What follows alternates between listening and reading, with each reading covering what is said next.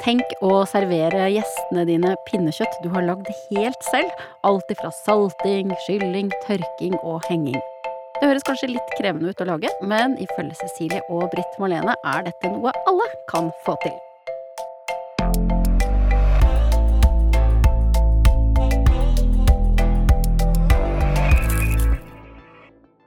Velkommen til Matpratpodden. Jeg heter Katrine Ude, og sammen med meg er det som vanlig to eksperter fra Matprat. Det er Cecilie Maske og Britt Marlene Kaasin. Hei! Hei! Hei! Whoop, whoop. Vi har så vidt ankommet eh, oktober, eh, og nå skal vi snakke om julemat. Det føles litt tidlig. Hva syns dere? Oh, vet du hva, når jeg gikk ut av døra hjemme i dag, vet du hva jeg tenkte da? Jeg gleder meg så fælt til jul! og jeg fikk skikkelig sånn følelse av sånn ja! Eh, Så jeg tenker det er ikke tidlig i det hele tatt, og i hvert fall ikke når vi snakker om å lage ditt eget pinnekjøtt, for da er vi faktisk spot on eh, når det kommer til tidspunkt. Og det er fordi at vi er midt i slaktetida, og fordi at pinnekjøttet trenger faktisk eh, minst seks uker for å bli ferdig. Hva kan vi si om pinnekjøttet? Hvor kommer det fra, liksom? Nei, det her er jo skikkelig tradisjonsmat, eh, med røtter kanskje helt tilbake til, eh, hva er det, vikingtiden, minst? Ja, minst. Minst. Så lenge vi har hatt uh, sau i landet, tenker jeg. Ja, og det er jo, ikke sant, det er jo aller mest kanskje populært i området der hvor det tradisjonelt har vært mye sauehold. Eh, Vestlandet, også Nord-Norge, Trøndelag. Eh, og det begynner jo å bli mer og mer populært, og ikke sant, folk flytter på seg, folk gifter seg, eh, reiser over landet, så vi ser jo nå at det er en spredning eh, litt sånn uavhengig av hvor du bor, selv om det fortsatt er tradisjonelt mest på Vestlandet, da. Det spises på man, julaften. Man tviholder jo på tradisjonene sine selv om man flytter landet rundt. Da må man, man skal jo ha det man er vant til, til, eh, til iallfall til julemiddag. Ja, og eh, vi, vi måler jo alltid liksom hvor mange som spiser ribbe og pinnekjøtt og annen type julemat, og vi har ikke fått inn årets tall ennå, for det er litt tidlig, men hvis vi ser tilbake på fjorårets tall, eh, så var det eh, liksom nasjonalt sett, da, så var det 43% som spiste ribbe, eh, og så var det 37% som spiste pinnekjøtt på julaften. Så eh, pinnekjøtt, en god nummer to Mm. eh, på liksom landsbasis. Men jeg tror mange, sånn som eh, Jeg kommer jo fra en ribbefamilie, eh, men jeg spiser alltid pinnekjøtt i løpet av jula. ja, så sånn kan man jo også løse det, da. For å få med seg alt Det som er er veldig, veldig mange som spiser seg gjennom hele, liksom, hele repertoaret av jule, juleretter i løpet av eh, juledagene, om de da ikke har spist det i, på julebord før jul. Så vi spiser jo alt, men det der Jeg tror at det er, det er selve julaften, julaftens måltid, det er hellig for veldig mange, da. Mm, jeg har eh, trønderpappa, og så har jeg mor fra Voss. Så Å, hun- der er det fight! Eller er det begge deler på julaften, eller? Nei, det er absolutt pinnekjøttet. Det er som pinnekjøttet. har- ja, Som trumfer. ja, den trønderpappaen min, han elsker det pinnekjøttet. Ja, ikke sant? Så, men vi har også ribbe i løpet av jula, men det er, det er pinnekjøtt som Mm. er julematen hos oss. Mm. Eh, og navnet, hvorfor heter det pinnekjøtt? Ja, er det, det er jo ulike forklaringer på det. Det er jo Det var jo de det gamle pinnedyrene som Ja, det- De gamle pinnedyrene. I vikingtiden, som det begynte med. Eh, tøyser du fælt litt for det? Men er det rett og slett Nei, fordi det det er sånn med pinner? Altså det, Nei, det er ikke helt sikkert. Det er ulike, det er ulike forklaringer på det. det men, altså, tradisjonelt så skal det jo eh, dampes på bjørkepinner i en kjele over eh, flammene, eller over varmen. Men også det som du sier, at det er jo, det er jo ribbene. De er jo som lange som pinner, så, så det, det kan nok hende at det også stammer derfra at det er disse lange ribbepinnene som gjør at det heter, heter eh, pinnekjøtt. Men det har jo mange andre navn også. Det heter jo pinnesteik og julesteik og saueribbe og smalaribbe og glosteik og fåreribbe og sidesteik Altså, det er massevis av forskjellige navn på, eh, på pinnekjøttet, avhengig av litt av hvor, hvor du kommer i landet. Og en litt sånn fun fact er jo at siden 2017 så er pinnekjøtt fra Norge faktisk en beskytta geografisk betegnelse. Som betyr da Det er jo akkurat som parmesan, ikke sant? At eh, for å lage pinnekjøtt så må den komme herfra. Og det er ganske kult. Ja, det er kult. Det er jo så godt, så det syns jeg liksom pinnekjøtt fortjener. Ja. Det er noe av det Ja. beste jeg vet. Men det er jo faktisk på en måte eksportert også til andre sånne lammespisende, lammeproduserende land, som Island og Færøyene, da. Der har de også sine varianter av pinnekjøtt. Men hvis man da skal gå i gang da, og har lyst til å lage Mm. dette selv, for å imponere gjester, og ikke minst imponere seg sjøl, Mhm. og gjøre en morsom førjulsaktivitet, hva slags eh, råvarer er det man bruker for å lage pinnekjøtt? Da må du jo ha en, en lammeside. Altså, eller en, en eh, Ribbene er jo liksom utgangspunktet, og så for å få litt mer kjøtt og sånn på, så er det hele siden. Du tar vekk bogen, du tar vekk låret, og du tar vekk det som heter rulleskinnet, altså hva skal jeg si, mage, eh, mageskinnet. Og da sitter du igjen med hele siden, og da er det også med kammen, som er Altså der hvor ytre og indrefileten sitter da øverst på ryggen. Og, det er liksom Det er utgangspunktet for en pinnekjøttside, med, også med nakken. Nakken er også med. Eh, og det er litt eh, viktig at det er bra med kjøtt på denne siden. for Fordi at det skal, altså blir det for magert, så, så blir det ganske tørt. Du må ha ganske mye sånn både kjøtt og fett på siden for at det skal bli ordentlig godt. Hvor er det man eh, får tak i en sånn ribbeside, da, med kam av lam eller sau? Det enkleste er vel kanskje å gå til slakteren eh, og få det bestilt opp, eh, rett og slett. De vet eh, hva du trenger når du skal ha det her, eller til, til en matbutikk, dagligvare, hvor de har et litt sånn bedre ferskvaretilbud, for eksempel, som du også kan gå og snakke med kjøpmannen der hvor du bor om å ta det inn til deg. Og hvis man veit at du skal ha tja seks, syv, åtte gjester til jul, for eksempel, hvor mye Eller hvor, hvor Ja. mye skal du beregne? Jeg vil jo heller beregne litt for mye enn litt for lite, så sånn én side er nå iallfall nok mat til fem personer, minst. Eh, blir det flere enn det, så lag to sider, så har du litt ekstra. Mm. Det gjør absolutt ingenting. Mm. Og kanskje noen også lurer på eh, pinnekjøtt. Kan man lage det av noe annet eh, dyreslag enn lam og sau? Ja, ja, ja, absolutt. Du kan, ja, du kan lage det av, eh, av geit, av, eh, av kje. Det er jo mye magrere kjøtt, ofte, eh, magrere dyr, så det blir, det blir jo litt tørrere, men det er fantastisk smak på det. Eh, og eh, samene har også tradisjon for å lage av eh, reinsdyr. Det går også veldig fint, veldig godt. Og det er et produkt som man har sett at det kanskje går an å Mm. få tak i og kjøpe noe noe det av. blir mer og mer, eller lettere og lettere å få tak i pinnekjøtt av reinsdyr. Det kan være litt artig alternativ å prøve ut hvis du er keen på det, da. Mm. Mm. Og det tilberedes på samme Ja måte? Ja. Mm. Mm. Ok, så jeg har vært hos eh, slakteren og fått bestilt og er og henter r- ribbesida mi. Eh, Hva annet er det jeg skal ha i hus før jeg kan gå i gang med å lage mitt eget pinnekjøtt? Ja, det er ikke så mye, egentlig. Du trenger jo en eh, balje som du salte, skal salte i. Eh, enten du tørrsalter eller lakesalter, så må du ha noe å legge kjøttet i. Og så er det salt. Noen ganger så kan man ha litt sukker i den der laken også. Noen liker å gjøre det, for det runder av den saltsmaken litt. Men stort sett så er det liksom det er salt, og det er kjøtt og en balje. Eh, Er det noen spesielle type salt? Grovt eller fint eller kan, det spiller ikke så stor rolle, egentlig. Uh, hvis du lager en uh, lake, en eh, 10% saltlake for eksempel, så kan du bruke både grovsalt og, og finsalt. Det, det løser seg jo opp i vannet. Eh, bruker du tørrsalt, så kan du bruke ganske grovt salt og gni inn så gnir du inn kjøttet godt med det, og så lar det ligge, drysser den litt eh, ekstra over også, når du legger det i baljen.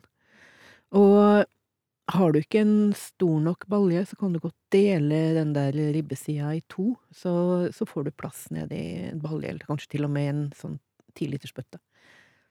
Men når dere tar på alt dette saltet, hva, hva slags prosess er det man setter i gang med da? Ja, det som er viktig, eller det som skjer da, er jo at saltet begynner å trekke vann ut av, eh, av kjøttet. Og det er jo det vi ønsker også. At eh, jo, jo mer salt vi får, eller jo mer vann vi får trukket ut, jo, jo mindre bakterievekst får vi i kjøttet. Og det er jo det som vi opp, vil oppnå. For dette er jo også en type konservering, ikke sant? At man skal få dette ferske kjøttet til å vare helt fram til jul. Eh, hvor man da, ikke sant, salter, tørker, eh, sånn at da fuktigheten går ut, Mm. og at man ikke får noen bakterier. Ja. Enda lenger enn til jul også. Det er jo, det er jo jo lengre, jo lengre vi kan oppbevare det, jo bedre. Iallfall var det sånn de tenkte i gamle dager. At uh, dette skal jo vare helt til neste gang det slaktes. Mm. Men, det, men, eh, men pinnekjøttet var jo uh, en av de tingene kanskje som ble tatt i bruk først. Mm. Og så var det den deilige bonusen med at det gir en sånn ekstra god smak, da. Ja da, det gjør det også. Ja, for vi hadde jo ikke trengt det nå, å konservere Nei på da, den vi trenger ikke gjøre det nå, men det, altså, eh, lammeribbe som bare er fersk, det, det blir ikke det samme som, som en, eh, en salta og tørka pinnekjøttside, altså. Ja. Det gjør det ikke. Så det er jo en av de kanskje gamle teknikkene og sånn som vi kommer til å ivareta, enten Mm. om man eh, kjøper ferdig pinnekjøtt, eller om man har lyst til å prøve å lage det selv eh, som en eh, kul, kul greie å gjøre fram mot jul. Mm. Men da har man eh, en balje, og så har du kjøttet. Mm. Enten delt i to, hvis, eh, hvis det er stort, Mindre balje. hvis det er mindre balje. Og så masse salt på. Mm. Og hva, hva, hvor lenge skal det Ja, en sånn, eh, sånn tørrsalting, det er sånn cirka to døgn. En lakesalting, da kan kjøttet godt ligge i en ukes tid. Og så skal man eh, skylle av eh, saltet og eh, tørke godt av kjøttet. Og så må det jo henges opp. Og da bør man lage et hull gjennom, gjennom kjøttet i nakken, eller liksom sånn at man får tredd en dobbel hyssing eller noe sånt rundt der, som kan bære vekten av, av kjøttet. Og så gjelder det å finne et, eller ha et sted hvor det kan henge luftig, og passe temperert, ikke for varmt, ikke altfor kaldt heller, til tørk, sånn at det kan ja, både utvikle smak og, og at enda mer av fuktigheten i kjøttet forsvinner. Det er det vi ønsker å oppnå. Og et sånt eh, perfekt sted, da, for dette kjøttet å henge, det er jo stabburet. Og det er jo ikke så mange som har stabbur Nei, det er jo ikke det. Det er noen. Det er noen. Ja, men det er ikke så mange. Nei, nei. Eh, så hvor, hvor, hvor skal det henges hvis, hvis du ikke har stabbur? Ja, det må jo være et sted som er luftig. Mm. Vi pleide jo Vi har jo lagd en del på Matprathuset, Mm. og da pleide vi å henge det oppe på loftet. Mm -mm. Så da hang vi det der, men nå har vi ikke fått lov til å gjøre det mer. For uh, ja. Glemte dere å spørre om lov? ja vi Jeg tror ikke huseier var så begeistra, egentlig. Men, eh, men det var jo et perfekt sted, for der var Ja. det riktig temperatur, det var luftig, det var ikke direkte sollys, og det var god nok plass til at eh, disse sidene hang med ganske god avstand fra hverandre. Mm. Og det, det er det som er viktig å tenke på når man lager det sjøl. For at det skal liksom, den prosessen skal skje riktig, så må det henge relativt mørkt, eh, luftig og med passtemperatur. Ikke over ti grader, iallfall. Med andre ord, da, du kan ikke henge den inn i leiligheten din. Nei. Om du da ikke liker å ha en romtemperatur på rundt ti grader, så tror jeg ikke det er det mest gunstige, nei. Men er dette en type aktivitet som egentlig kan være ganske kul å gjøre sammen med en vennegjeng? Ja, det tenker jeg at det, det aller gøyeste er jo å gå sammen flere. Vi har jo gjort det mange ganger sammen, som en gjeng på Matprat, og hengt opp eh, på loftet vårt der. Eh, og det er jo noe som man kan gjøre hvis man bor i borettslag, for eksempel. Eh, der hvor jeg, i bygården jeg bodde før, så gjorde man om hele vaskerommet til å bli sånn ølbryggekjeller. Og det er jo ikke noe i veien for å prøve å innføre det, eh, at man gjør om et av tørkeloftene til et pinnekjøttloft, eh, hvis interessen er der, da. Jeg tror Man kan ikke begynne liksom å eh, liksom henge opp eh, hvis det bare er du som vil, og så må naboen Hei, hvorfor henger det Det lukker pinnekjøtt av eh, turbuksa mi. Eh, at man Nei, man, man må liksom være game og, og bli enige om det, tenker jeg. Fordi eh, sånne gamle tørkeloft er jo egentlig helt perfekte til å henge opp på. Men vær en god nabo. Eh, bli enig med de rundt deg, og hvis du eventuelt eh, som et alternativ har en vennegjeng, kanskje noen har en kjekk garasje som kan brukes, eller har noe et helt annet sted, så kan dere dra. Dere kan ha eh, eh, vennenes julebord og lage pinnekjøtt som dere eh, henger sammen, og tar ned sammen og gjør det som en sånn gøy aktivitet, da. Og uansett hvor du henger opp, så er det veldig viktig å passe på kjøttet, iallfall spesielt i begynnelsen. Sånn ja, å at, sjekke det at det ikke begynner å mugne, for eksempel, for det kan du gjøre hvis det er for fuktig og for lite gjennomstrømming av luft. Eh, og begynner det å mugne, så kan man redde det. Da, må, da er det bare være veldig påpasselig, få vaska godt av eh, muggen, tørke det godt, og så henge det opp igjen. Og gjør du det, og setter kanskje en liten vifte inn, sånn at du får enda bedre sirkulasjon i lufta, så redder du pinnekjøttet, og det blir kjempebra. Og så tørker du jo først på utsiden, Og, og etter hvert som det blir tørrere og tørrere, så, så blir det sikrere mot mugg. Eh, og en annen ting som er litt viktig å gjøre, det er å beskytte det om det skulle være eh, inn, eh, både insekter og, og En liten stabbursmus? ei lita stabbursmus, for eksempel. Og det kan man gjøre ved å henge eh, ribbesidene inne i eh, putevar, for eksempel. Eller noen form for netting som beskytter det sånn at det ikke kommer dyr til. I Norge så er jo pinnekjøttet enten røkt eller urøkt. Og det krangles sikkert på diverse steder om hva som er best. Når i prosessen med å lage sitt eget pinnekjøtt er det man tar valget? Skal jeg ha det røkt, eller skal jeg ha det urøkt? Det gjøres på litt forskjellige måter, men aller viktigst er jo at eh, kjøttet blir salta først, og så kan det røykes, og så kan det henges opp til tørk. Eller du kan først salte det, tørke det, og så røyke det. Røyken fungerer som enda mer konservering. Røyken er med på å eh, beskytte overflaten mot mikroorganismer, og eh, i tillegg til at det setter smak, selvfølgelig. Men det viktigste er at, det beskytter sånn at det ikke mm, mugner, for eksempel, der også. Eh, og, og det er spesielt mye brukt i sånne hvor det er ikke så kaldt og ikke så tørt som det er oppe på fjellet, sånn som på Vestlandet ut mot kysten. Det er der det er mest røkt eh, pinnekjøtt. Og det er litt gøy, at den der krangelen, eh, hva du har tradisjon for, kan Mm. jo da avhenge av hvor familien din egentlig kom fra, og Mm. hvor, hvordan, hvor fuktig var det i luften. Nemlig. Min farfars luft. Pinnekjøtt. Jeg som da får pinnekjøtt fra Vestlandet, har jo valgt Mm. at det er røkt, ikke sant? Ja. For der var det fuktig, og de Ja. måtte kjøre på med litt ekstra hjelp til tørkeperioden, og da ble det den røkte smaken. Nemlig. Men det er jo ikke, jeg vil jo ikke tenke at man skal begynne å sette i gang med noe eh, røyke sjøl på, på tørkeloftet i borettslaget. Nei, det, det tror jeg ikke blir spesielt populært. Faren min har jo eh, lagd sitt eget pinnekjøtt, og han har også røkt det. Mm. Uh, det husker jeg liksom ute i rekkehusbebyggelsen der jeg bodde, så, så bygde han liksom et sånt røykehus. Det så ut som en sånn gammel telefonkiosk. For de som vet hva det er. Uh, og det oste jo ut uh, døgnet rundt. Masse Mm. Tåkela hele nabolaget. Det gjorde jo det, Ja. og det lukta jo sau, liksom. Det var jo litt sånn flaut, for det var jo mange som syntes at dette var litt sjenerende. Ja, sau og, og røyk i skjønn forening er ikke helt eh, grill på sommeren heller. Det er, det er ganske heftige inntrykk som man får da. Så det jeg kan tenke meg at det ikke var spesielt populært, ja. Men eh, Det ble veldig godt, da. ja ja. Mm. Det skjønte sikkert naboene også. Mm. Hvordan har det formet deg, Katrine? Føler du? Er du et produkt av Ai, jeg, jeg vil ikke jeg ville aldri funnet på å snek, snekre opp mitt eget røykehus i hagen og liksom ta, ta meg til rette på den måten. Men du kan det- tenke deg å lage pinnekjøtt fra bunnen så uten at det blir røyka? Ja, selvfølgelig. Det er jo kjempe, kjempegøy. Mm. Alt du kan lage sjøl, og du blir ekstra stolt når du Mm. både spiser det for din egen del og serverer det, Mm. selvfølgelig. Ja, for det er jo det vi får, liksom. Det er jo den der stoltheten og eh, hva skal jeg si, mestringsfølelsen nesten når man får laga sitt eget pinnekjøtt, da. Mm. Og så er det jo noen ting, det er jo litt ekstra å, å kunne skryte av det til gjestene som du, som du skal servere det til, iallfall hvis det er vellykka. Så kan du med stolthet si at ja, det har jeg laga helt sjøl. Så det er, jo, det er jo en ekstra bonus, da. Absolutt. Hvordan er det man gjør det når du har tørka det ferdig, du skal Mm. ta det ned, og det Mm. skal bli til fine pinnekjøttpinner som Mm. skal opp i en gryte? Er det, hva går man i gang med? Da må du i gang med sag. Eh, rett og slett. Kniv eh, og sag for å kutte over da gjennom og gjennom beina. Eh, hvor du får da kuttet opp i fine, fine skiver. Eh, eller altså pinner, da.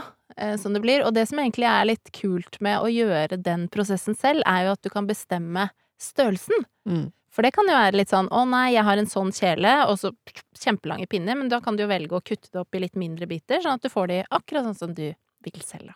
Det er veldig lurt. Men Det er jo kjempelekkert når pinnene er veldig lange, Mm, men det er jo liksom ikke noe poeng hvis ikke du får de opp i gryta. Jeg Eller de syns også det stikker kan være veldig lekkert tallerkenen. med liksom de kortere pinnene òg. Ja da, det kan absolutt være det. Absolutt. Men da får du, da er det noen som får bite med veldig mye kjøtt, og så er det andre som får bite med veldig lite kjøtt. Men det er jo, herregud, det, er det en stor kjele, så er det nok til alle.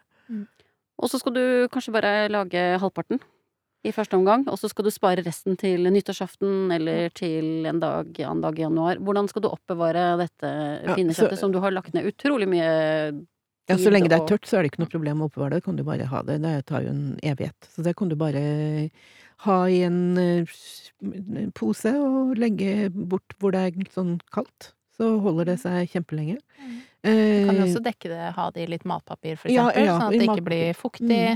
Eh, som en fin oppbevaringsmetode. Ja. Fram til nyttårsaften, da. ja, eller enda lenger. Det går helt fint. Eller til påske, helt når du påske. skal Ja. eh, grille pinnekjøtt. Og har du, har, du, har du flere sider, så trenger du ikke å skjære opp alle på en gang. Du kan, da kan du bare henge der. Vi skal selvsagt snakke masse om julemat fremover, og dette pinnekjøttet her, det skal jo også tilberedes. Så hvis du har begynt å tenke på jul og har spørsmål om julemat, så send dem til oss. Tagg oss eller bruk hashtag matprat. E-post funker også. Post at matprat.no. Vi høres.